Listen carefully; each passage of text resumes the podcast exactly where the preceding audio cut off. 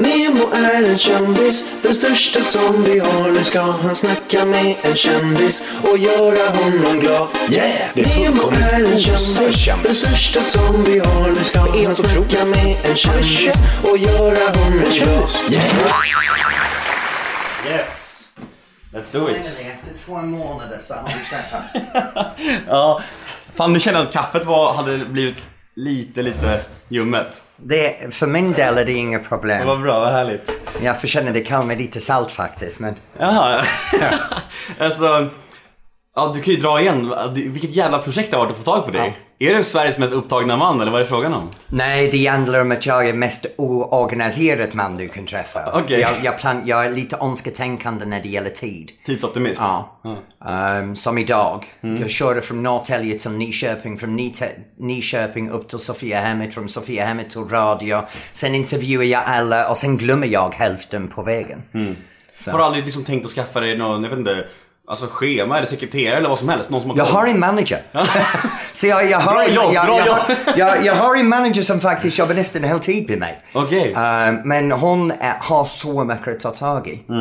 För jag hamnade i en sits för jag är en av de här som har väldigt svårt att tacka nej till saker för allting låter så spännande. Så jag vill göra allt för jag bara tycker det är roligt att, att, att hänga med allt. Mm, det är ju perfekt. Så jag, jag, jag har ingen fast riktning just nu. Nej. Jag, hamnar, jag är en av de här som har hamnat i det här lite konstigt sits att jag fyller 50 och, och livet börjar nu. Nu plötsligt har jag blivit halvvägs vuxen. Men inte hela vägen där än. Men jag tycker det är en hälsosam inriktning att du vill att allt verkar kul. Det är ju skitbra ju. Alltså, Men jag, jag tror in, livet går i olika faser. När, när jag var 20 så ville jag, vill jag vara så, så duktig som möjligt och testa på allting. När jag var 30 så vill jag gärna ha så mycket pengar som möjligt. När jag var 40 så vill jag gärna ha mer fritidsliv. Och nu jag var 50 jag vill bara leva det som jag har kvar. ja jag fattar.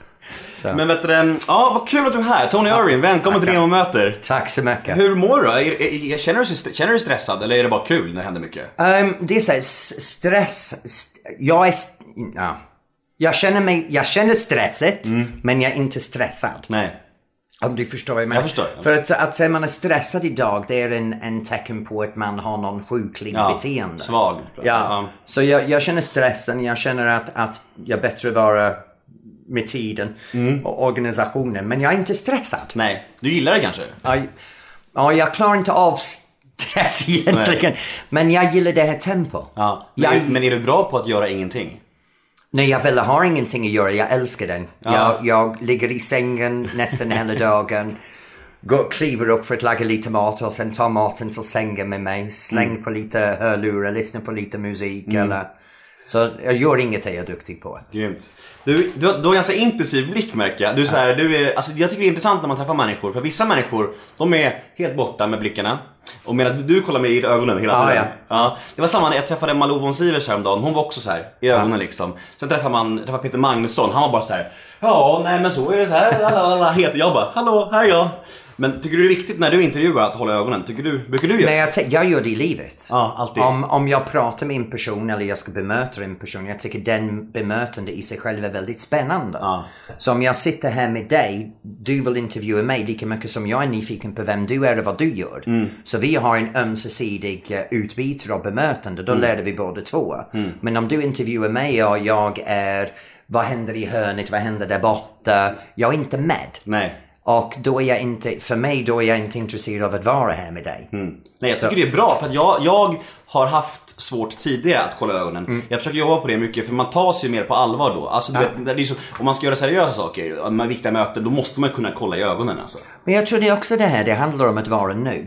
Man, man snackar väldigt mycket, du vet, man hör allt det här, man ska leva i nuet. Men man kan inte leva i nuet om jag inte är närvarande bakom Nej. min blick. Precis. Så min blick kan också förmedla för, för andra, eller deras blick för mig. Är de verkligen med mig? precis. eller är, eller är de fysiskt här men mentalt någon annanstans? Ja. Jag vet att det finns en rolig historia bakom det här så jag frågar det. Hur hamnade du i Let's Dance-juryn? Av en slump. Ja, Av om ren slump.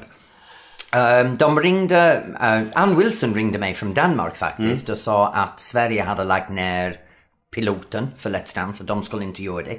För SVT tyckte att det var inte tillräckligt med tittare och pengar i att göra det här programmet. Så en vän till mig som heter Nicky Johansson som jobbar på Meta TV och jag, vi satt ner och skrev ihop ett förslag för TV4. Ehm, och sen TV4 lagde ut förbud och det gick till en annan bolag. Så de ringde upp och sa kunde jag vara konsult för programmet. Så jag började faktiskt som konsult för Let's Dance. Eh, sex månader innan första sändningen med dansare och manus. Och sen de kastade allting. Först frågade de mig att vara dansare och då var det nej. Sen frågade de mig att gå i juryn och jag sa nej för jag vill gärna jobba bakom kulisserna. Du var inte liksom TV-stjärna. Du ville så här, vara, vara bakom och jobba med. Jag hade jobbat så många år med att stå på scenen och stå på tävlingsgolvet att jag var lite trött på det. Jag hade valt ett liv där jag ska gärna skapa framtidsstjärnor men vill inte vara en själv. Ehm, och så lurade de mig egentligen. Men hur, För- ja, vad, vad ändrade du? Eller vad hände? Nej men de, de kom upp två veckor innan första programmet och sa att vet, det skulle vara roligt om du kunde kliva in för vi hittar ingen ordförande och du passar bra. Ta det för några veckor tills vi hittar någon och jag verkligen trodde på det. Ja, fan. Jag trodde verkligen att efter två veckor så skulle de, och hur, hur naiv och dum kan man vara egentligen? ja, jag vet idag att ingen börjar in program så byter de ut dem Nej, nej. Du har kollat på vilket program som helst. Jo, så jag, men jag, jag var så in i det här. Självklart jag ställer upp. Ja. Ja, men då blir det över. Snäll, men, godtrogen. Ja, men efter första programmet när de kom till mig och sa att ja, nu ska vi fortsätta kasta över min dörrkropp. Det här är roligt som fan. Så, så jag blev kvar. Har det alltid varit lika kul? Nej. Nej.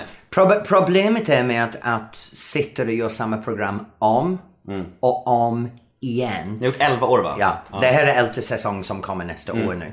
Då måste man återskapa sig själv.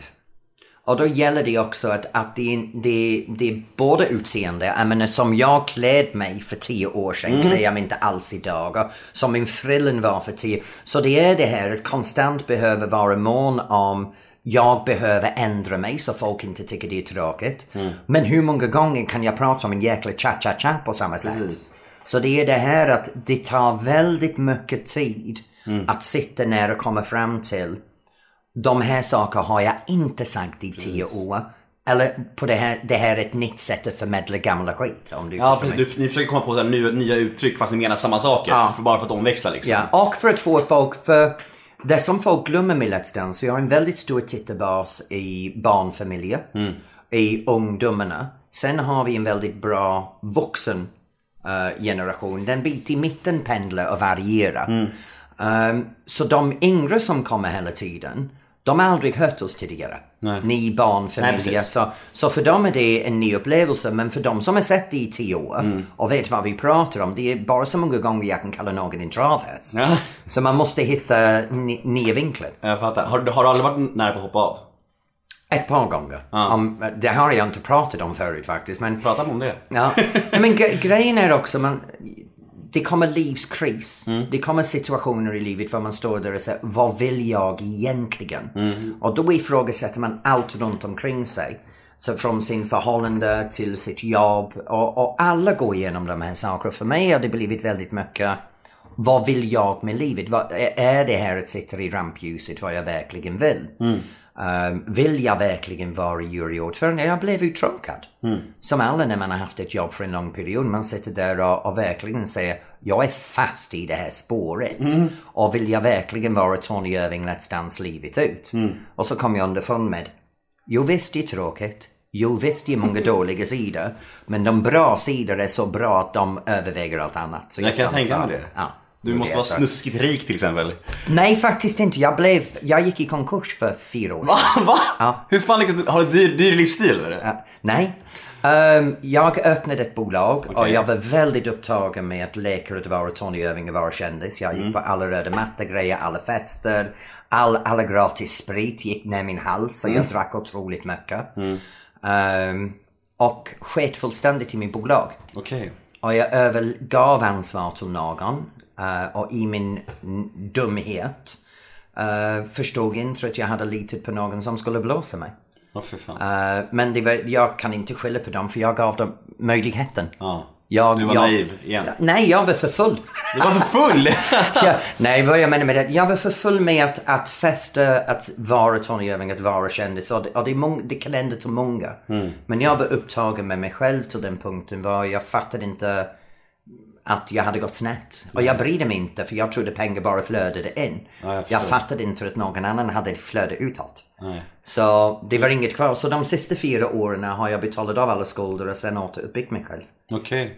Hur är ditt förhållande till alkohol idag? Eh, nu är jag torr. Um, jag, jag och min partner gjorde ett val um, att inte dricka alls. Um, och det gjorde vi i två år. Och sen nu, om jag vill så kan jag ta en drink. Men jag har inte upplevt utanför min bröllopsdag så har jag inte upplevt att jag vill. Nej. Så jag har ingen alkohol i livet. Nej. Um, men jag, jag var en... Det var festandet. Det var alkoholfestandet. Det var inte det här kryckor eller be, behov av alkohol egentligen. Det var bara för mycket festande. Ja. Nej, jag eh, personligen, jag slutade dricka i, vad blir det, i augusti helt. Ja. Jag har, nu har jag tre månader helt nykter. För jag tyckte att, alltså det, det är så mycket grejer i livet som jag vill göra, som jag vill uppleva. Alltså jag vill vara med och leva och känna saker. Jag vill inte vara full och glömma bort saker och minna, inte mina saker. Jag tycker inte det är värt det liksom. Men har du lagt märke till skillnaden nu när du är ute, ute och umgås med folk? Folk, alltså för, först var folk såhär bara Va? Dricker inte du? Va? Men sen är folk så här lite nyfikna så här, och får, får, får lite respekt för den. Bara, oh, wow, bra. Typ, så här, fan schysst. Och de vill nog de också gärna säga, men de är lite så inte riktigt där än liksom så här. Det ja. Jag, jag tycker, jag, person- personligen känner jag i mig att jag inte mått bättre på flera år kan jag säga. Jag känner, Jag, jag mår mycket bättre. Både psykiskt och fysiskt. Men jag har ett mycket bättre socialliv. Jag träffar folk nu för att träffa folk. Förut så sa jag, ska vi gå ut för en drink? Ska vi gå ut och festa? Så det, målsättning med att gå ut var inte att träffa de folk och umgås med dem. Det var för att jag vill ha den glas i handen. Jag Precis. Hade för målsättning att klockan tre så vet jag att jag kommer att ramla på golvet. Bara nu jag går ut och träffar folk, har roligt och vet att jag kan köra bilen hem efter en bra kväll. Och morgon efter så har jag en bra känsla, inte en baksmälla. Nej, det är, ja, jag håller med. Det är helt värt det. Man faktiskt kan, alltså det här, just det där som du säger, att man faktiskt träffar folk för att träffa dem. Och inte träffa dem bara för att, ja. Alltså för, för just alkohol har blivit så, alltså det är ju överallt. Det är så här, spela bowling, ja alkohol. Gå på bio, ja vi tar några öl före. Alltså allt. Det är så jävla hopplöst också. Men vet du vad jag tror det är? Jag har min egen teori på det här. Kör. Ja, det är lite gubbig. Men jag tror att jag spenderat så mycket tid på Facebook, på Twitter och på allt möjligt. Att när jag träffat folk så visste jag allt de hade gjort. Så när jag träffade dem, vi hade ingenting att snacka om. Nej. För jag hade upplevt det i samband med att de gjorde det. Så jag och mina polare kunde träffas och det var, jaha, vi kan inte prata om vad jag gjorde igår eller vad du gjorde igår eller hur det här gick, Nej, för jag vet precis. det redan. Exakt. Så ska vi ta en drink till och bara skratta åt någonting som är oväsentligt egentligen. Så i samband med det så använder jag social media mer som en verktyg nu. Mm. Men inte rätt sätt för att hålla mig uppdaterad om mina vänner. Nej. För då vet jag, när jag träffar dem nu, nu har vi saker att snacka, snacka om. Ja. Jag, jag kan ställa frågan, vad gjorde du igår? För jag vet inte vad de gjorde igår. Nej. Smart. Bra tips. Ja. Ja, jag tänker på det. Ehm, lite Let's Dance då. Jag, jag, jag är nyfiken på, det har varit så jävla många tävlande ju. Det har varit skit, det är skitmånga. Vem har varit, eh, vem har varit, vem har varit sämst och vem har varit bäst? Okej. Det, det här är relativt nu. Om, ja. om vi kollar på poängsättningen, sämst och bäst, eller vi kollar utifrån min egen, vad jag tycker. Utifrån du tycker? Vi har haft ett par individer som har kommit in och på en sätt eller den andra inte lyckats prestera vad de själv trodde de skulle vara. Till, om vi går tillbaka till Peppe Eng i år ett, Marcus Birro, Camilla Hennemark. Eh, sen har vi ett par personer som inte är med oss längre så vi kan inte, eh, jag vill inte ta upp dem. Men så, så, så det är den typ av individer som har kommit in och varit där och inte lyckats till fysisk sida av dans. Sen har vi haft de som har kommit in och inte gjort något. Nej. De har bara sagt, jag gör Let's Dance, varsågod, jag får min marknadsföring och min pengar så går jag hem. Men jag skiter i vad jag presterar. Så ni bryr sig inte om träningen alls? Nej. Okej. Ehm, och då har man dem, de kan, vill jag inte prata om på grund av kontrakt och sådana jag grejer. Ehm, för vi, har- Vi tar det efter podden. Ja, ja precis. Ja. Ehm, och sen de som är bäst. Du vet, det är inte alltid de som vinner som är bäst. För det, Nej, de det som, såg vi senast Ja. i fjol med, med Sten Stenmark där. Men å andra sidan, jag måste ge Stenman lite cred här. För Mm. om man ser honom i det stora hela över tio år. Mm. Han hade blivit, i vilken andra säsong som helst, han hade förtjänt att vinna. Mm. Men vi hade Marie Serneholt och Alexander och Björkman. De, de tre var så pass duktiga att alla, alla fyra totalt förtjänade vinna. Jävlar. Så när vi kom ner till, till äh, vet, att ha fyra par kvar, då står vi där i valet för alla fyra var duktiga. Och i vanliga fall så har vi en väldigt duktig och alla andra kan lika gärna gå hem från början. Så det, det, det var en väldigt fascinerande år i år. Så alla fyra av dem hade vunnit vilket annat år som helst kan man säga. Vilket andra år som helst hade fyra, fyra hade vunnit. Häftigt. Ehm, och sen har vi det här att det bästa kvinna vi har haft är Marie Serneholt, Marie Serneholt. Och det bästa man är Anton Hisén. Så det hade blivit roligt i det här jubileumssäsongen att se Anton och Marie gå head to head. I- Istället för att säga, du vet, några andra som inte kom till finalen går head to head. Men det är bara min egen åsikt. Men hur, alltså, hur avgör det egentligen? För att ibland kan man tycka att Marie Serneholt har ju ändå dansat ganska mycket i 18s liksom. Jag, jag, jag tycker att det var lite så här, hon har ganska, ganska, ganska mycket där och då är det inte på gränsen till att hon har någon slags tjuvstart då? Inte dugg. Inte? För, för det som man får tänka på, vi pratar faktiskt pardans. Och att dansa par, att två personer ska röra sig som ett, är en otroligt svår uppgift. Och att dansa någonting annat bara ger du en bra fysisk förmåga. Men då kan man säga att idrottsmän har samma förtur också. Ja, ja. För då kommer en idrottsman in med fantastisk fysisk kropp, fantastisk koordination, fantastisk balans, kan göra hälften av de akrobatiska grejer. Sen har man någon som Alexander som kom in i Head over to Hulu this March, where our new shows and movies will keep you streaming all month long. Catch the acclaimed movie All of Us Strangers, starring Paul Mescal and Andrew Scott. Stream the new Hulu original limited series We Were the Lucky Ones with Joey King and Logan Lerman. And don't forget about Grey's Anatomy. Every Grey's episode ever is now streaming on Hulu. So, what are you waiting for? Go stream something new on Hulu. A lot can happen in three years, like a chatbot may be your new best friend. But what won't change? Needing health insurance. United Healthcare Tri Term Medical Plans, underwritten by Golden Rule Insurance Company, offer flexible, budget friendly coverage that lasts nearly three years in some states. Learn more at uh1.com. år som redan kan alla kampidrott, alla balans, alla tricks Hoppa. Mm. och hoppa, allt möjligt. Så man ser att all, alla som kommer in med en fysisk rörelse kan egentligen ha en förtur men sen har man en musiker som kommer in Mm. som kan förstå musik in och ut och vet om känslor och allt den sidan. Mm. Taktkänslor där. En skådespelare som kan, som kan gå i en roll. Mm. Så att se att någon har dansat någonting tidigare, Mm. om det inte är ren pardans, det är ingen förtur. Okej. Ehm, för det här att hålla i handen, att föra, att följa, att känna, den är en av de tuffaste grejer man kan göra. Cool. Eh, har det hänt någon, någonting, alltså off cam eller eh, något, något, något galet som har tag- klippts bort någon gång? Som inte har kommit ut i pressen heller? Alltså något, något riktigt sjukt såhär, någon... Skämtar du? Let's Dance vi vill ha, allting kommer ut i pressen. Jag vet, det är det jag menar. Har du någonting du kan berätta som inte har kommit? Någon, Gud, nu måste jag tänka. någon spydde eller kissade på sig eller vad som helst? Nej, men äh, äh, varje gång någon spyr så kommer den ut för då är det sjukdomsgrej. Varje gång någon ligger med varandra den kommer ut också. Varje gång jag bråkar med någon det kommer ut. Ja, ja. Så det, det, det som har hänt, alla vet det. För alla kändisar, alla journalister alla kändisar är ju där också. Eller så. Ja men vi, du vet vi har en öppet studion. Ja. Så när alla tio par tränar under hela veckan. Då är det kamera inne ur studion hela tiden och det fångas upp. Uh, allting är live på fredag så det som händer på fredag alla ser. Och nu att vi har det här webcam bakom scenen som följer dem under veckan. Du vet allting är där. Vi till och med hade en säsong där vi hade kamera i repetitionsstudion och då det var ingenting mer att komma ut ändå. Vi fan. upptäckte det var samma, all, samma kommer ut. Det är nästan överdrivet, det är nästan, nästan för mycket. Alltså att allt bara följs i minsta liksom, lilla detalj, det är nästan sjukt. Men det, det roliga är, det är som Big Brother, men med kändisar och dans.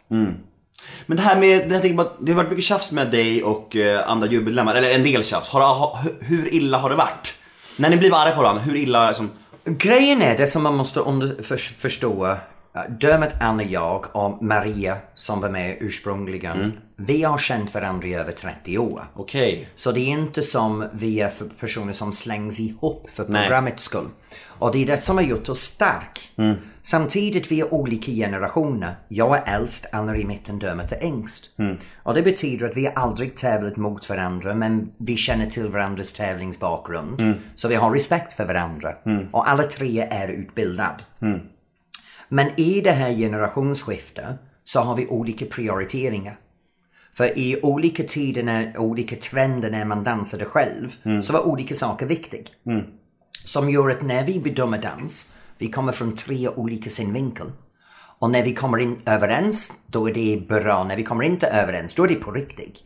För då blir det, du vet, en, en verkligen tjafs. Men det är alltid för 99% av tiden är det på en väldigt professionell nivå. Vi blir oeniga, vår poäng avspeglar att vi är oeniga. Och det är för att prioritera olika saker. Men när vi är inte uh, uh, på en professionell nivå, det är ganska ofta jag som tar lite illa upp. för min ego klarar inte av det. jag förstår. Jag, jag klarar inte av att dömet anser ifrån mig och jag måste erkänna i vissa fall att jag faktiskt hade fel och det tycker jag inte om. Nej, jag förstår. Alltså, Jag känner verkligen igen det. Alltså, jag, jag, kan, jag kan bli så här om, om, jag, om jag ska visa mina kompisar en låt till exempel som jag tycker är bra. Om de inte tycker det är bra det, då kan jag bli ledsen och arg. Jag, bara, jag vill att alla ska tycka som jag. Jag förstår, jag förstår helt vad du menar alltså. Och det, det värsta är för mig att jag går i det här men jag skiter i vad ni säger för jag har rätt.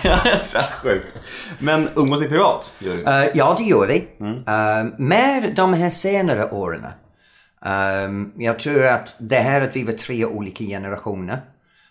Um, Ann har bott i Australien, uh, Dermot i London och jag har varit här i 23 år. Och sen 10 år i USA innan det. Så vi, på internationell nivå så alla, vi alla känner till varandra. Um, men de, jag skulle säga de sista fyra år har vi börjat umgås med. Fint. Ja, så, ja, så Dermot och jag, vi pratar ett par gånger i veckan och Anna och jag kanske varannan vecka. Cool. Och vad, vi, vi ska snart lämna Let's Dance, men jag måste fråga, vad är det roligaste och det tråkigaste med jobbet? Det roligaste är att jag får betalt att vara elak. Om jag ska vara ärlig. Att, att kunna få bara låta munnen komma igång, det tycker jag är underbart. Eh, det tråkigaste, det är svårt egentligen för även om det finns tråkiga saker, jag ser inte dem som, som så stor belastning längre. Nej. Förut så var det det här att vara hatad. Du vet, jag upptäckte att, att folk verkligen hatat mig för min roll i Let's Dance. Men den har blivit lite mildare de senare åren. För att, att känna att folk hatar dig under en viss period, det är tungt att belasta. Men hur stor skillnad är det på Tony Irving i Let's Dance och Tony Irving privat? Och, eh, grejen är att, att Let's Dance för mig, att sitta där som jury, det är en del av min vanliga yrkesroll. För jag var tävlingslandsdomare förut. Så för mig det är bara att sätta på mig den caps. Men som alla, vi, när vi har ett jobb, vi har olika caps vi har på jobbet, vi har olika caps vi har hemma, vi har olika caps när vi pratar med chefen och när vi pratar med kollegor.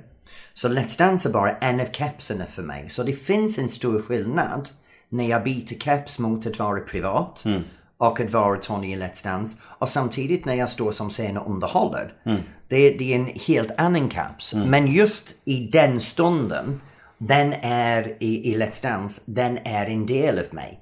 Så det är sanna jag, men bara en liten del av sanna jag. För, för att uppfattningen om dig har ju varit i alla fall att du är ganska elak i Let's Dance, tycker folk ibland. Ja, Alltså, men du är ju väldigt, väldigt trevlig nu privat. Och det sa ju även Johan, du, ja, du vet Johan, Ja. det vet du, han Ja. sa ju det. Att To- Tony är så supertrevlig privat, men han, fråga om det. Har, har, alltså, är det, har du haft något medvetet eller, eller kan, du, kan du irritera dig på det? För du är ju supertrevlig nu liksom. I början så var jag väldigt lätt, jag kunde lätt bli ledsen faktiskt när, när folk ehm, blev sur på mig eller upplevde mig som elak. Men sen förstod jag att det var min pengar i banken. Ja, du menar så? Mitt, mitt karaktär i Let's Dance funkar för att jag har min konstutbrytning och att jag är rakt på sak och uppfattas som elak. Ändrar jag den så blir jag, blir jag, har jag ingen jobb. Nej.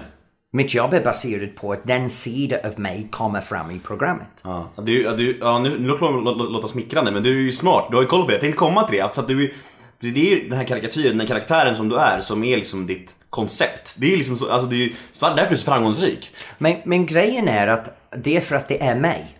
Och det, det här är vad jag säger, man, man, man kan fråga om man är schizofren och hur många personligheter har man där inne. Och, och grejen är att vi alla har flera personligheter. Och vi visar olika sidor av alla olika personligheter beroende på vad vi jobbar med. Och i just Let's Dance, den sida jag visar i Let's Dance, den är en del av mig. Men det är inte hela mig. Men visste du att du skulle vara så från början? Nej, inte ett dugg. Så fort som kameran kom igång så var det som Jekyll Hyde. så fort som jag såg kameran i första grej, då kom det här sidan fram för mig. um, och då var det bara naturligt för mig att, oh, men det här känns rätt, så här ska jag vara. Det, det här är den personen i det här sammanhang. Um, och sen, sen har det blivit mer och mer att varje vår så plockar jag det ur garderoben och varje höst så slänger jag den tillbaks i Men, garderoben. men säg produktionen då, producenterna, säger de såhär bara Fan vad bra, var elakare. Har de triggat dig att vara elakare eller? Men jag, jag tror i vissa situationer så har de triggat mig efter jag har gjort saker. Inte innan. Nej. Så det är med det här att bekräftelse av att jag har gjort ett bra jobb. Inte kom igen nu gubben, vi vill ha mer elakheter. Den, den, Hugg kan jag, ja, den kan jag inte säga att jag har fått därifrån. Däremot så det är fascinerande hur mycket publik nu vill ha mig elakare. För det är så många som säger att jag har blivit för snäll. Så nu är det lite det här att folk har vant sig åt den elak nivå som jag har. Och nu vill de ha att jag ska skruva upp det lite grann. Och det tycker jag är svårt att... Jag, för jag kan inte. Jag kan inte göra mer än vad känns rätt för mig. Det är märkligt det där, för att, för att jag, jag, jag att, att folk, folk tycker att det blir bäst TV när du är elak, men ändå så tycker, tycker folk åh han är för elak. Alltså det blir så dubbelt på något sätt. Men det är för att de är engagerade. Ja. Om jag är snäll då har de ingenting att snacka om dagen efter över kopp kaffe. Men om jag är elak, nu har de något att prata om. Är du, är du motsvarigheten till Alexander Bard? Oh, no! Ehm, Ni är bo, båda homosexuella också. ja, Båda elaka ibland. ja. Både rakt på sak ibland. Men jag är snyggare. Det är du verkligen. Nej, förlåt, det där var elakt sagt. Ehm, ja, vi är lika Är, är ni varandra. kompisar? Vet du, jag har aldrig träffat honom. det Jo, sant? jag ljuger. En eller två gånger har jag träffat honom. Ingen TV4-fest? Nej. Nej. Nej, för det, det här är grejen också. Man, man har det här bubblan av att alla som är i rutan ska känna varandra. Ja. Men det är precis som ut, ut i vardagslivet. Man kan jobba på samma plats men inte träffa varandra. Jag fattar. Men eh, det här med att du har fått rykte om att vara lite elak och du, du, du snuddade vid det. Har det varit så illa att du har fått liksom hot någon gång? Ja, ehm, det har hänt mig ett par gånger. Uh, jag har haft min bildäck skuren. Oj. Den bilen du har nu? Nej, nej, nej, nej. Det, det här Din var... flashiga BMW som jag såg. Ja, ja, ja, det- Jag såg nog. Ja. Det, var, det var några år sedan. Ehm, jag har haft ägg kastat på min köksfönsterrutan. Okej. Ehm, sen för några år sedan så fått jag väldigt många hotbrev och då var vi tvungna att koppla in polisen. Usch. Ehm, och sen har vi haft stalkers hemma. Ehm, det är bara förra året. Vi hade några som hängde i skogen bakom husen. Men var det folk som tyckte om dig eller folk som tyckte illa om dig? Illa. Illa? Ja. Okej. Obehagligt. Ja, men, men det ingår med jobbet vet du. Det, det här är grejen. Du kan inte välja att kliva in i rampljuset och välja bort Nej. Det, det som är inte positiva. Så är det. Så, så väljer du att kliva i rampljuset så, så måste du acceptera alla de här fantastiska saker som kommer att hända dig. Men det kommer att vara en negativ sida och det är en del av det hela och du måste lära dig att hantera det. Vilka har bäst lön? Ni eller Idoljuryn? Idoljuryn. Är du säker på det? 100% säker på det. Varför det? Ni har mer tittare. Nej, för det, men det inte går utgå från tittarna. Vi har mindre jobb. Ah, du menar så? Ja, för vi kommer in på fredag kväll. Ah. Och vi sitter där på fredag kväll. Sen är vår jobb över. Idoljuryn, de går ut på turné, de reser över Ah, ja, hela det- landet. Du vet, vi bara sitter där från klockan 16 när vi kommer in i studion på fredag till 23 på fredag kväll. Sen är mitt jobb över. Sen är det hantera press och sådana grejer, det är en annan femma. Men Idoljuryn, de har en hel vår turné, de måste kasta, helt plocka alla. Jag har inte tänkt på det. Nu, då, då är ju svaret självklart för dig. Eh, vi lämnar, lämnar Let's Dance nu, för du får säkert alltid snacka om Let's Dance. Så vi ska lämna det nu, det får räcka. Hur, men hur är... Vi snuddade vid det, det här med att vara homosexuell i dagens samhälle. Vad är skillnaden att vara det nu och typ 20 år sedan? För mig är det en stor skillnad för jag växte upp i en kyrkligt familj. Så för mig, jag växte upp med homosexualitet som en sjukdom och en synda. Okej. Ehm, och för mig, jag sökte botemedel hela tiden. Så jag själv, när jag var ung, och jag, jag pratar om 20-årsåldern. Jag trodde verkligen att jag kunde bota mig själv genom att vara med kvinna. Ja. Så jag var verkligen i det här att jag giftet mig med en kvinna för att försöka bota mig. Ehm, jag var extremt homofobisk. Jag var en av de mest homofobiska personerna. Om du hade träffat mig vid 21. Jag var hålla alla bögar på avstånd. Är det jag, sant? ja. Men du, du var bög i huvudet redan? Ja, ja. Jag, visste, jag visste i mitt hjärta, i, i varenda kroppsdel, jag visste att jag var homosexuell. Jag pratade med min farsa om det när jag var 16. Eh, men han övertalade mig att gifta mig, min kyrka övertalade mig att gifta mig, alla övertalade mig i min omgivning. Men vad sa din pappa? Nej men pappa bara sa, du har bara träffat rätt kvinna, du ska gifta dig. När du gifter dig, du börjar ligga med tjejer så går det över. Fake it till you make it eller vadå? Ja men, men det, var- det, vet du, det, det var samma sak i Sverige. Man hade det som psykisk sjukdom i Sverige för äh, äh, inte så länge sedan. Och England låg lite efter i sin tankesätt till Sverige. Vi, vi, vi, vi började det här liberalismen mot homosexualitet och förståelsen. Och mycket senare, men handikapp väldigt fort. Um, så för mig när jag var ung, det, det är min personliga skillnad. Idag lever jag en Svensson-liv. Jag, menar, jag bor i radhus i Norrtälje med två hundar, min man, en, en bil. Vi har staket runt, runt gården. Vi, vi har vitt staket. Du, vi lever den typiskt, handlar med allting på Ikea, går på Ica och sitter i krogen och, och, umgås med vänner och fikar på espressobaren. Vi, vi gör alltid, du vet det, det är bara Svennebanan. Svensson. Ja Ja. var för mig när jag var ung, om jag hade gått ut med en, en dejt, då en av oss hade blivit sönderslagen eh, väldigt fort. Nu okej, det är fortfarande hat, uh, um, brott i Sverige. Men inte en samhälle som hat mot homosexualitet Nej. som fanns när jag var ung. När kom du ut? Eh, jag försökte komma ut när jag var 16. Ehm, och sen gifte jag mig. Och sen lämnade min första fru och hade min första pojkvän. Ja, och då var jag vid 20, 20 när jag hade min första pojkvän.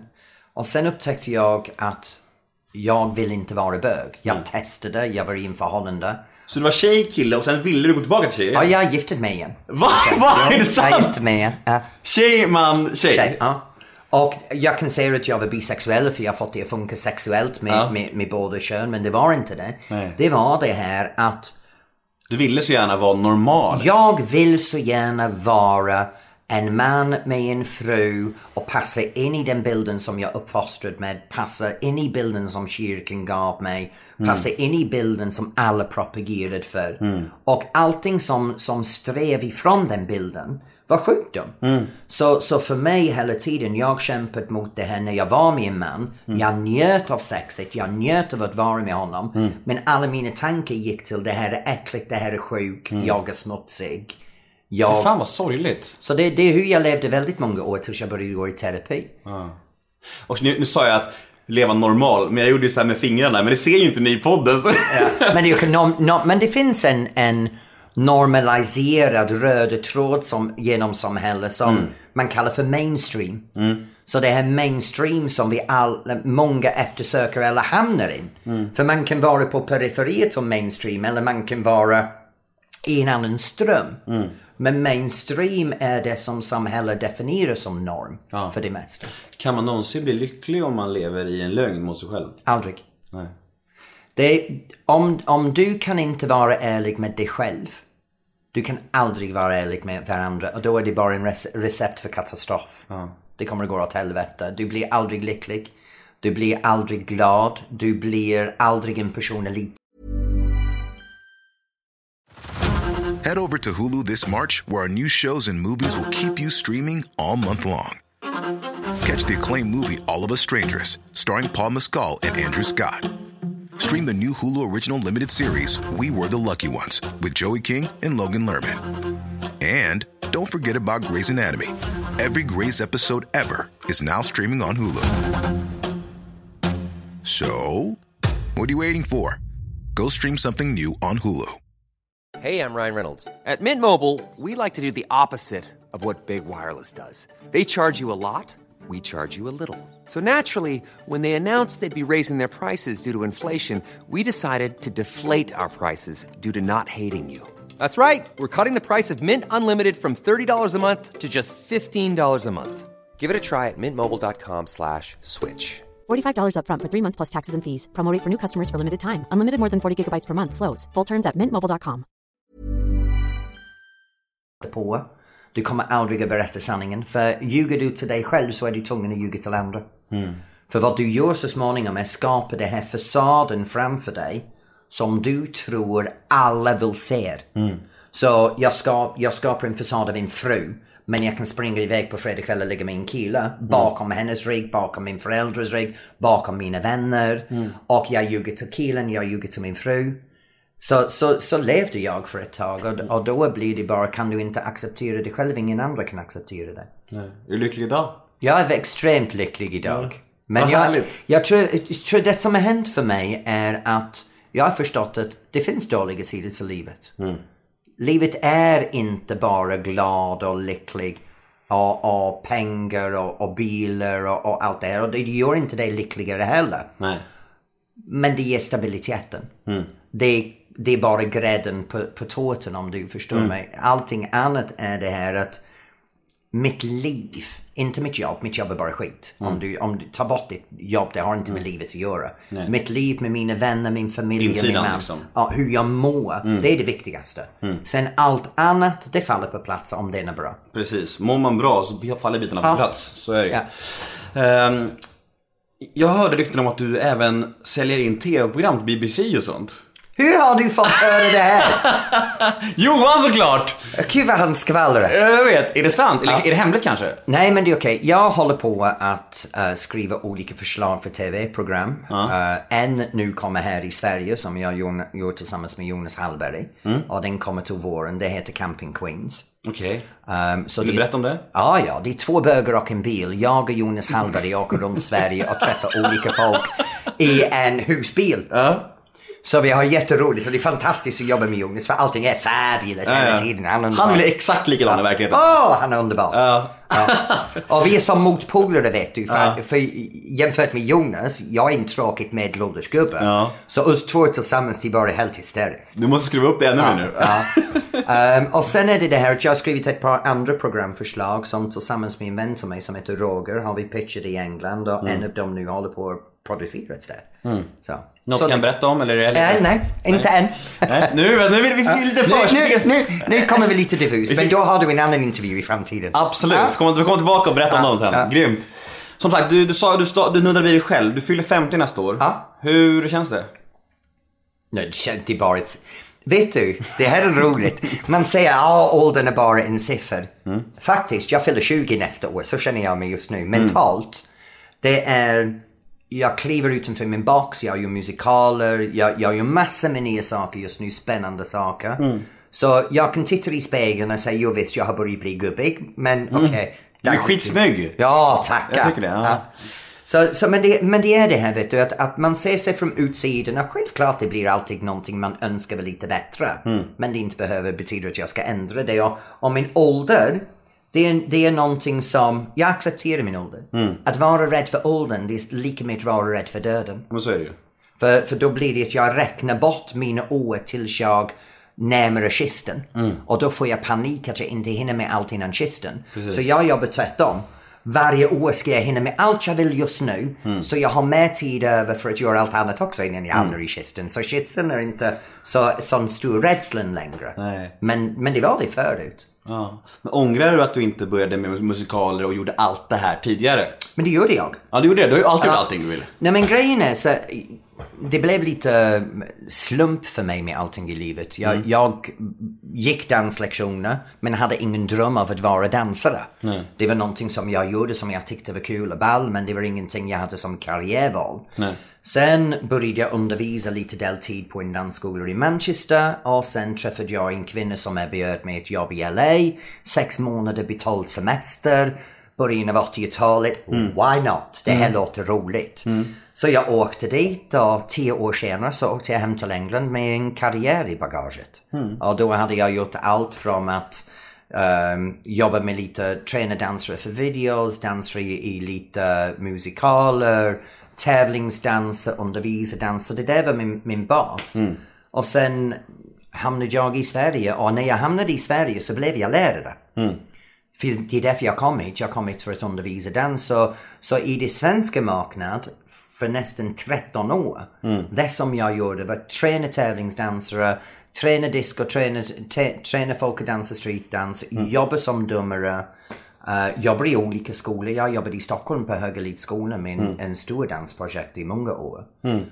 Um, och hade ingen ambitioner mer än att, att göra mitt jobb, skaffa min lön, gå ut med vänner. Dricka. Ja, dricka. Ja. Men- men, det var, det var, det, Så jag, jag var helt glad för den livet efter, efter tio år i USA. Ja, jag fattar. Men eh, jag måste bara fråga, alltså, det- det här, den brittiska dialekten. Kan du prata helt normal svenska, rak svenska? Ska vi försöka? Ja. Hej, det här är Tony Irving. Nu försöker jag prata svenska på det bästa sätt möjligen. Hur låter det? Eh, Varför det är skitdåligt ju! Det är det där det bästa du kan! Ja. Ja, fan. Men jag tror det, det har min filosofi med kommunikation. Ja. Om jag kan förmedla till dig allt jag vill ha att du ska förstå, förstå Mm. då använder jag inte bara munnen. Jag använder mina ögon, jag använder min kropp, jag använder mina händer, jag använder mina det gör du ansikten. verkligen. Så, så jag pratar med hela mig. Mm. Och på sånt sätt så förstår du vad jag vill, Mm. hur jag vill, mina känslor, mina nuanser. Inte bara ord, inte bara hur ord låter. Och jag har upptäckt att jag är invandrare. Och det här är just nu är någonting som jag propagerar för. Jag flyttade hit i 93 och för tre år svenskarna låt mig prata engelska hela tiden. För ingen vill tala svenska med mig. Jag gick tre månader SFI, jag gick två månader SFI på ABF i Sveavägen i Stockholm. Jag gick Folkhögskolan i tre år, heltid. Samtidigt som jag jobbade nätterna för att lära mig svenska. 23 år senare, folk fortfarande klagar över min brytning. Jag klagar inte. Nej, nej, nej, men, men, men inte det. Men, men, men inte det. Men, men Ja. om du tänker på det sättet i sammanhang idag för Ja. väldigt många som flyttar hit. Precis. Jag som engelsman har haft så svårt att lära mig svenska. Mm. Och folk fortfarande lägger märke till min brytning. På gott och ont. Vissa Mm. personer älskar den. Vissa personer skickar mig de värsta e-mail. Är det så? Ja, gud, jag får sån sågning för att jag kan inte tala ren svenska idag. Och det har blivit fler och fler de senare åren Mm. som påpekar du borde inte vara i radio, du kan inte tala svenska, du är för jävligt på TV för du inte shit, talar alltså. svenska. Och det blir i sig själv Mm. ett sätt att uh, uh, sätta någon utanför på grund av språk. Verkligen. Nu, jag är engelsman och, och klarar det, men tänk på de här som flyttar hit som har inte SFI som jag hade det på den tiden och kan gå folkhögskolan för tre år heltid Nej. för att lära sig svenska. För, för att lära mig den svenska jag har, det är fyra års pluggandet. Det tar mig fyra år och det är lång tid att lära sig en språk och ändå prata så här dåligt. Ja, ja men det är sjukt, de kommer, inte, de kommer aldrig våga prata någonsin alls. För, Nej. för, för, för att de kommer så rädda för att få hack liksom. Ja, det är värdelöst. Men, men eh, du, du snuddade vid det här ämnet att eh, du hade åldersnoja och var rädd för döden förut. Ja. Men inte alls längre. Nej, jag gick igenom den här perioden där jag gjorde fettsugning, hårtransplantation. När var det? Uh, jag gjorde fettsugning tror jag det är 2011. Uh, Botox? Botox gjorde jag från 2010 till ungefär 2013. Mm. Um, hela tiden. Jag var på botoxfester på fredagskvällen hos vänner.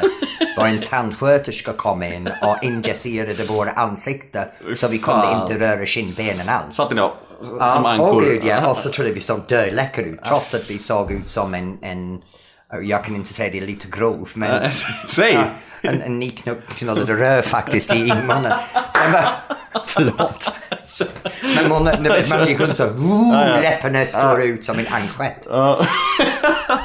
Fan. Ja, jag hoppas inga barn lyssnar. Nej, förlåt. det, är, underbart. Uh, ja, vi släpper det. Men alltså, hur förhåller du dig annars till ditt kändisskap? Tycker du att det bara är härligt eller? Åh, vad känd. Men det här är grejen. Känn, jag har lärt mig den hårda vägen om kändisskap. Att, att det är bara skit. Ja. För Jag bor i Norrtälje. Jag går i samma butik hela tiden. Den kvinna som serverar mig min lokal ICA, hon är känd till alla i byn. Så hon är känd i byn. Så det finns kändisskap på olika skalor. I, I en liten by så finns det någon, eller alla känner till alla. Så den känslan av att folk känner mig, det är bara en liten stora skola. Jag kändes i ett land med 10 miljoner in- invånare. Några känner mig, några känner mig inte. Fast du är ganska household kändisnamn ändå i Sverige nu. Alltså Let's Dance har typ 3 miljoner tittare. Vet du, om jag går på gatan här utanför din lägenhet så jag lovar dig, folk kommer inte blinka två gånger men jag sant? öppnar käften så alla vänder över. så det är min röst som har gjort det, det är inte mig, som en, en skål. Men, men grejen är att känd, kändisskap, du kan bli känd eller du kan bli känd för att. Och för mig så, jag har danskunskap. Jag blev i en tv-program för jag är väldigt duktig, nu säger jag det men man ska inte skryta. Kör. Men jag har en väldigt duktig dansbakgrund. Den är anled- det är min plattform jag står på. Sen att jag har fått testa på saker, dörren är öppna. Det är vad kändisskapet har givit mig. Att bli känd gör att jag har så många möjligheter i livet till att testa radioprogram, att göra intervjuer, att komma hit och träffa dig och dörren öppnar sig överallt. Men den plattform, den kom på grund av att jag har en plattform som dansare, som dansdomare, som danstränare. Det gav mig den möjligheterna. Ehm, sen att eh, det finns en annan sida till kändisskap. Och då kommer det, det finns en sida som är ansvar. För då är det att jag pratar med dig nu. Vad jag säger här kommer folk att höra. Och många kommer att bara skratta åt det, många kommer att tro på det, många kommer att ifrågasätta det. Det blir som vi, vi är om man, man pratar med sina vänner. Och då kommer ett ansvar med, med vad kommer ur min mun. Du vet om jag sitter här och, och vill bara vara anpassningsbara hela tiden. Så kommer det att lysa igenom också men påverkar någon på en eldfällt sätt. Så det kommer en ansvar med detta.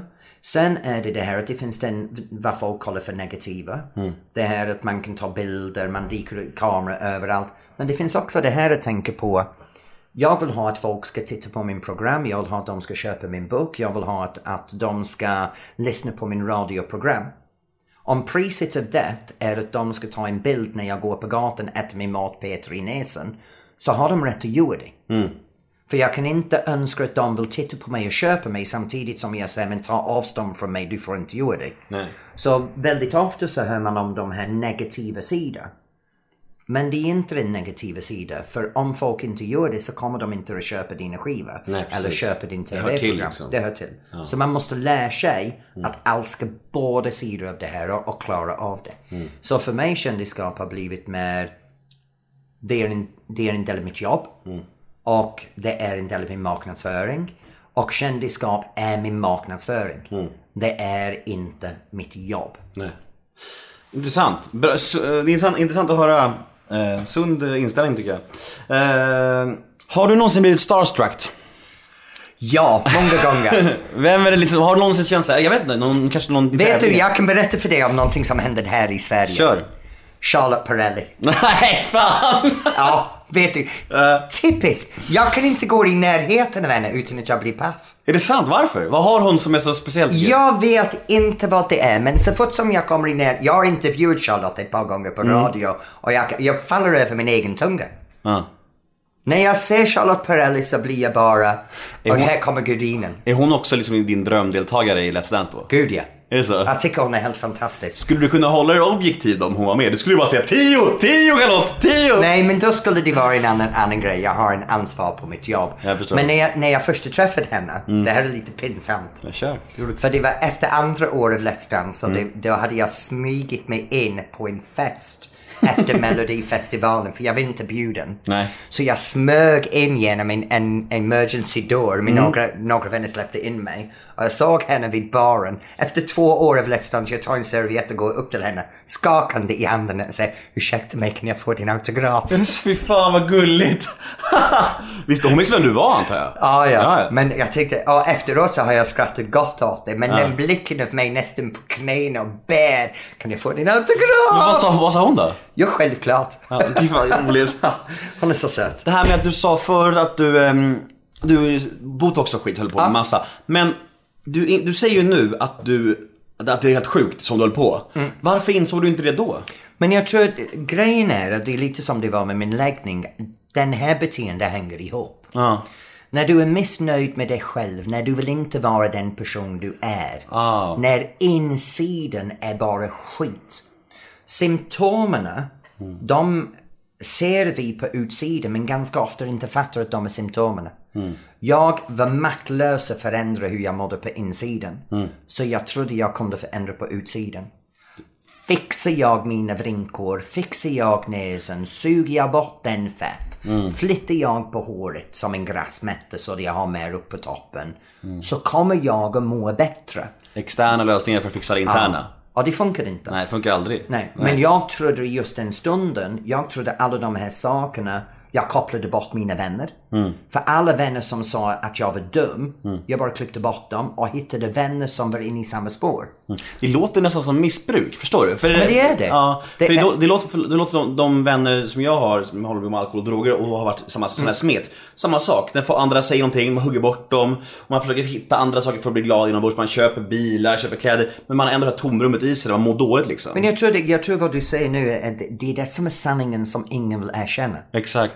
Ja, du kan inte köpa till dig lycka, du kan inte köpa till dig du mår bra, du kan inte fixa fasaden så att fasaden ser bra ut för alla andra men du mår som skit bakom dig. Vill du vara, vill du vara lycklig, det enda sättet är att fixa insidan. Hoppas, vad, fan vad jag önskar att fler kunde förstå det alltså. Lyssna nu på det här. Ja, ja, eller hur? Ja. Lyssna till en gubbe. Ja, vadå? Vad fan, vis, vis och klok gubbe. Just, du är, du är ju faktiskt mitt i en musikal nu. Ja. Du har ju chansen nu att ma- marknadsföra den. Ja, men Berätta om den. Vad- ja. vad- vad hände? vad hände det var, jag har fått ett samtal eh, nästan 18 månader sedan och frågade om jag kunde gå på lite casting. Mm. Och jag tänkte, ja men jag kan gå men jag inte jag väl inte dansare och jag, jag inte så för att sjunga och skådis. Kan du sjunga?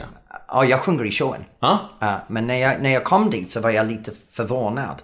För de sa, vi har en vision av att göra det här. Vi ska ta cabaretmusikalen och göra det på riktigt.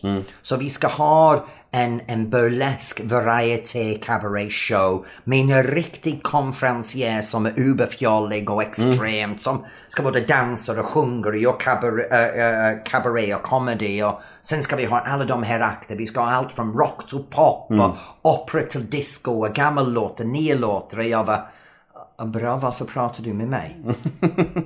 Ja, för vi tycker att du blir bra som den här karaktären. Så de bad mig att sjunga, de vill titta på mig och läsa li- lite manus. Och så tänkte jag, men det är skit i det, de kommer aldrig tillbaka till mig. Sen ringde de och sa, ja vi vill ha dig. Okej. Um, så i januari började jag repetitioner och så öppnade vi för fyra veckor sedan. Du huvudroll? Uh, ja. Åh jävlar, hur, är, det, är det underbart eller är det kul? Jag tycker det är extremt roligt. Mm, bra svenska. Mm. Ja, men det är riktigt tufft. Ja. Det är riktigt tufft. Det, det är antagligen en av de tuffaste grejer jag har gjort för väldigt länge. Men är du lika, jag tänker på att du ändå är närmare 50 år och har dansat hela livet. Är du lika rörlig i kroppen idag som för 15-20 år sedan? Nej, inte dugg. Är det jobbigare? Ja, nästan? gud ja. Det är som att jag behöver oljelederna innan jag startar. Um, kropp, kroppen blir äldre, man kan, man kan hålla det igång. Man, du vet, jag, jag säger så här, jag tränar idag. Men jag tränar för att bli gammal. Jag tränar inte för att bli ung. Nej. Och det är, det är en mental inställning. Så, så för 50 år, jag har det bästa jag kan ha idag. När jag är 52, 55, då kommer jag att säga till att i just den ålder jag blir så bra som jag kan bli. Uh, men jag kämpar inte för att vara ung. Så, så grejen är att jag är rörlig och jag har kraft och energi. Men jag är inte en 20-åring längre. Nej, jag förstår. Men om du ska få marknadsföra den här showen lite grann. Vart köper man biljetter och varför ska man göra det för? Det är så här, man kan gå till Ticknet, man kan köpa biljetter, du kan ha middag eller du kan bara komma och se showen. Showen är på kvällstid, börjar klockan 21.00. Vart? Det är på Metropol Palais i Stockholm. Det bästa är Vi har något för alla åldrar. Vill du se något naken så har vi naken. Vill du se någon komedi så har vi komedi. Vill du ha tjejer så har vi tjejer. Vill du ha killar så har vi killar. Vill du ha mig så finns jag där ändå. Det är sång, det är drama, det är upp, ärligt. Vi har nästan Dorma och sen har vi Venus.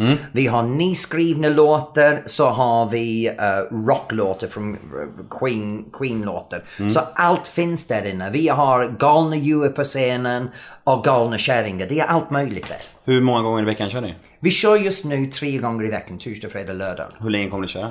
Eh, vi är planerad att köra fram till jul. Um, det var 29 uppträdande innan jul som var bokad. Um, det har fått förfrågan att köra efter jul men det beror på min schema med Let's Dance om jag kan eller ej. In och boka på Ticketet nu. Ja. Jag ska göra det i alla fall. Bra, tack Ja. så mycket. Ja, men nu är du, som, du, var in, du, har, gör, du fyller ju några drömmar nu. Du får, du göra musikal och du kör Let's Dance. Har du några drömmar kvar? Som du vill? Och jag ska, men jag tror det är det här, drömmar kommer nytt hela tiden. Men det är inget, på rak arm nu som du vill köra att det här blir Ja, jag menar, Åka ut bil med, med Jonas Hallin. Det ska du jo, göra. men, ja. men jag, jag tror det är lite grann så här, de drömmar jag hade när jag var 20. Så man uppfyller drömmar och sen vissa drömmar förändras. Mm. För de, de prioritering eller det som var viktigt eller intressant upptäcker man, ja, jag kan fattar. jag, jag har växt förbi den dröm nu. Och så kommer det nya. Nya drömmar för mig, det handlar om vad gör jag nu? Mm. Du vet, jag drömmer om, ska jag öppna restaurang? Vill jag ha en nattklubb? Vill jag, vill jag ha min egen ställe? Mm. Var folk ska komma till showa hela tiden? Eller vill jag bara sticka till Gran Canaria och sola för sex månader varje vinter? Det är alla de här saker som går igen och allt är möjligt. Det är det som jag tycker är så spännande just nu. Allt är möjligt. Det är helt och hållet upp till mig vad jag gör imorgon. Och det är helt och hållet upp till mig vad jag gör. Vill jag spända pengar? Vill jag eh, gå hit? Vill jag stanna hemma? Jag väljer själv. Och när man väl inser att alla drömmar kan jag göra. För det är jag som begränsar mig. Men har du några saker på rak arm som du ångrar i livet? Som du känner så här, eller är det sånt som, jag ångrar ingenting? Eller har du något Barn, faktiskt. Jag ska vara ärlig. Ja. Jag, jag, jag tror att det som, som är min största regret Mm. i livet är barn. Men vad fan, du, jag är inte för sent, är det? Nej men det är så här vet du, jag är en, en 50-årig självupptagen gubbe. Det är ingen plats för barn. Återigen Så- egot, återigen. Ja, ja men, det, men det är det där. Jag menar, även om jag ångrar att jag är barn nu. Mm. Jag är full förstått att mitt liv har aldrig varit en bra plats för barn. Nej. Och mitt liv framöver. Jag menar, om jag har barn nu. Mitt liv bara blir mer och mer jag Mm. igen. Jag börjar bli en jag-person. Jag, Vad jag vill göra och, och vad vi vill göra med min partner. Ingenstans där inne finns det barn. Men du, du, du återkommer till det här med egot. Hur är du att leva med då? Hur, alltså, är du en bra partner om du är så ego? Det är så här att, att eh, jag pratar ego utifrån min jobb och hur jag är. Alex och jag, vi, vi har en, vi kallar det en treben förhållande. Det är ditt, det är mitt, det är vårt.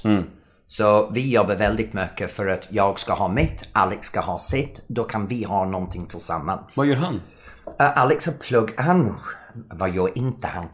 Uh, han har jobbat i lyxhotellindustrin i 16 år. Han är utbildad butler i London. Han har gått i Boden och utvecklats till att vara livvakt. För- Och sen han har gått massageterapeut och nu ska han skola om sig. Han gick skribentutbildning för ett år. Så nu håller han på med det. Han, han, har, han är som mig. Han har massor med idéer och målsättningar och drömmar. Så vi jobbar väldigt mycket att jag jobbar för att jag blir hel. Han jobbar för att han blir hel. Jag fattar. Då kan vi vara tillsammans. Jag förstår.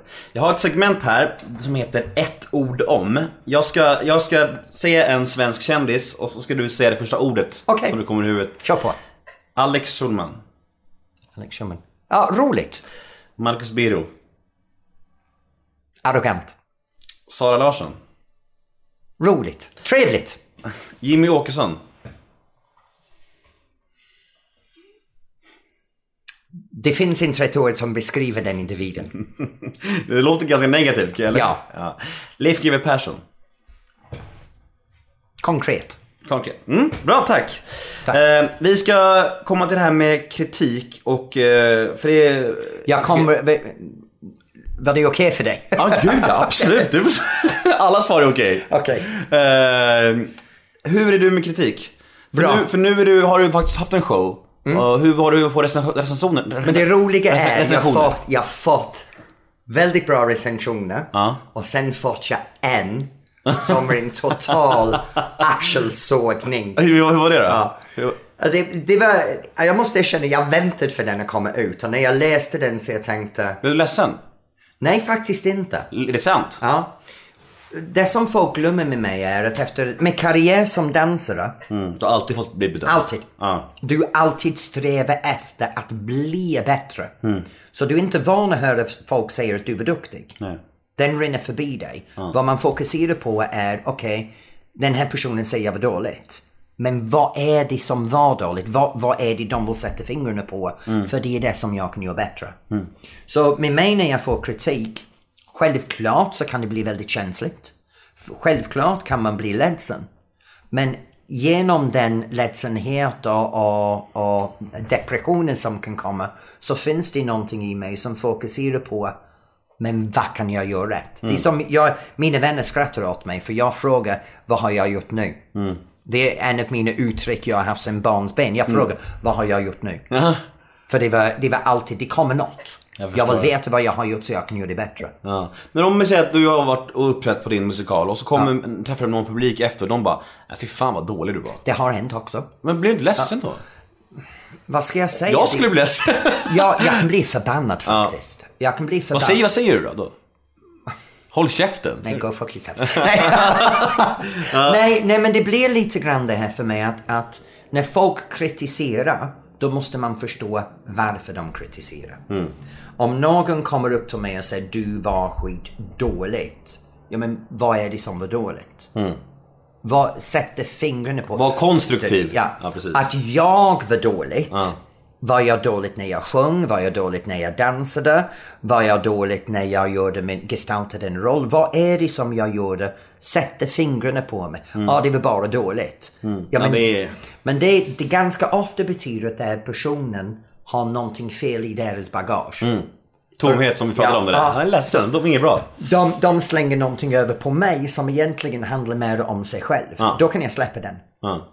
För det har jag varit där själv. Jag vet att de stunderna i livet jag har varit mest negativ till andra personer än när jag har mått dåligt själv och jag har slängt skiten över dem. För jag ger dig exempel. För några, några eh, år sedan så var jag involverad i en vuxenmobbning.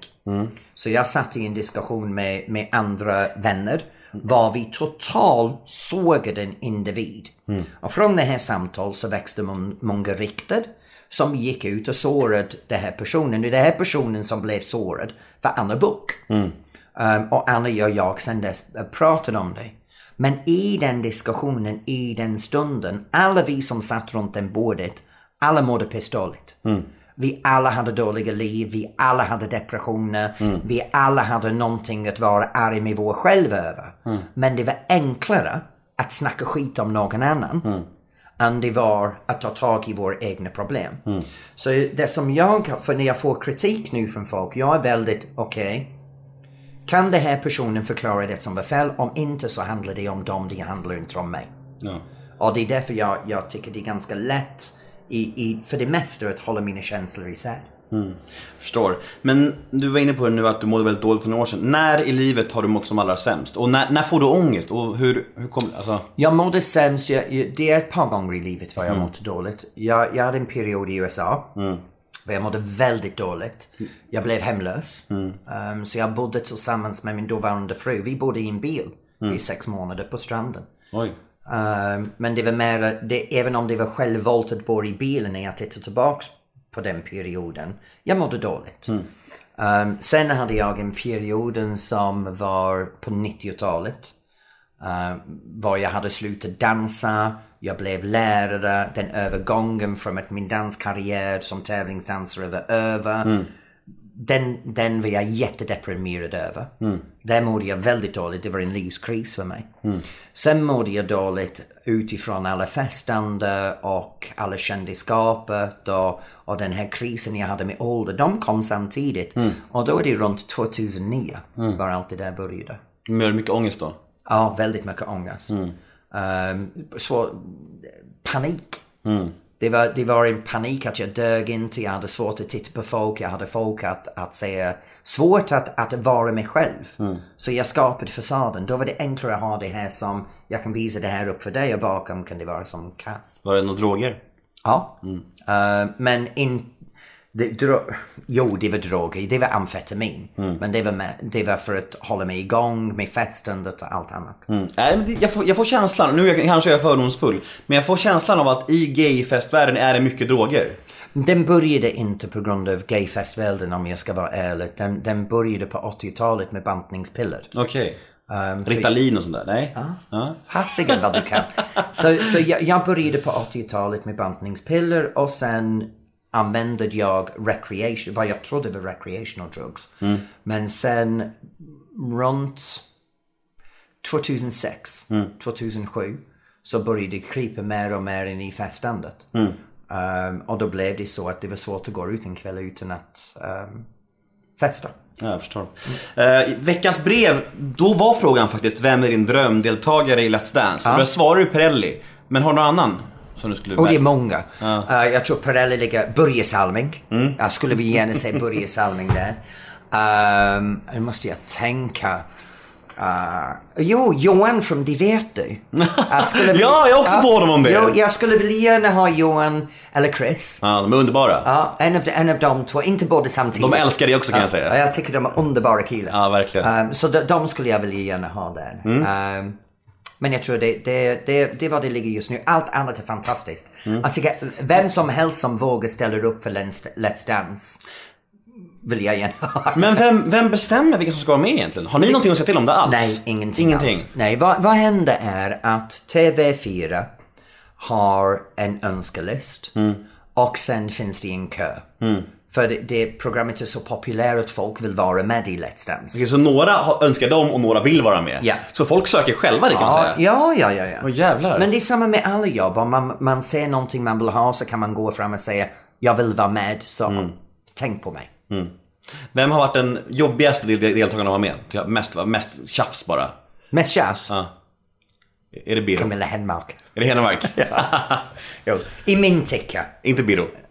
Nej, jag tror, grejen var med Marcus Birro, jag faktiskt tyckte om honom. Jag har haft honom här och han är faktiskt väldigt snäll. Ja, grejen, grejen som hände med Marcus var så, var så här att Marcus hade skrivit en blogginlägg om mig innan Let's Dance. Okej. Ehm, och sen samtidigt skrivit att han skulle aldrig vara med i Let's Dance. Sen var han med. det låter som Marcus Birro. Ah, ja. Och sen bad han mig om hjälp. Jag gav honom extra hjälp. Så jag, ställ, jag bröt reglerna för Marcus skull. Jag gick in och hjälpte honom extra. Och det fortfarande gick åt helvete för honom. Så det blev mitt fel. Så blev jag en kapitel i hans bok. Ja. Men sen dess så har vi faktiskt pratat ut som två vuxna och, och låt det gå. Det är, det är faktiskt bra. Om man vill nå Tony Irving på sociala medier, eh, finns du på Instagram och Twitter? Jag finns på Instagram och Twitter under real Tony Irving. För någon annan han har snott Tony Irving. Så in och följ The Real Tony Irving. Gå och boka biljetter på Ticknet till din musikal. Ja. Och kom och, och, och kolla på honom. Eh, jag heter Nemo Hedén på Twitter och Instagram. Hashtaggen är NEMOMÖTER. Gilla oss på Facebook och stort tack Tony Irving för att du tog dig tid. Tack själv Nemo.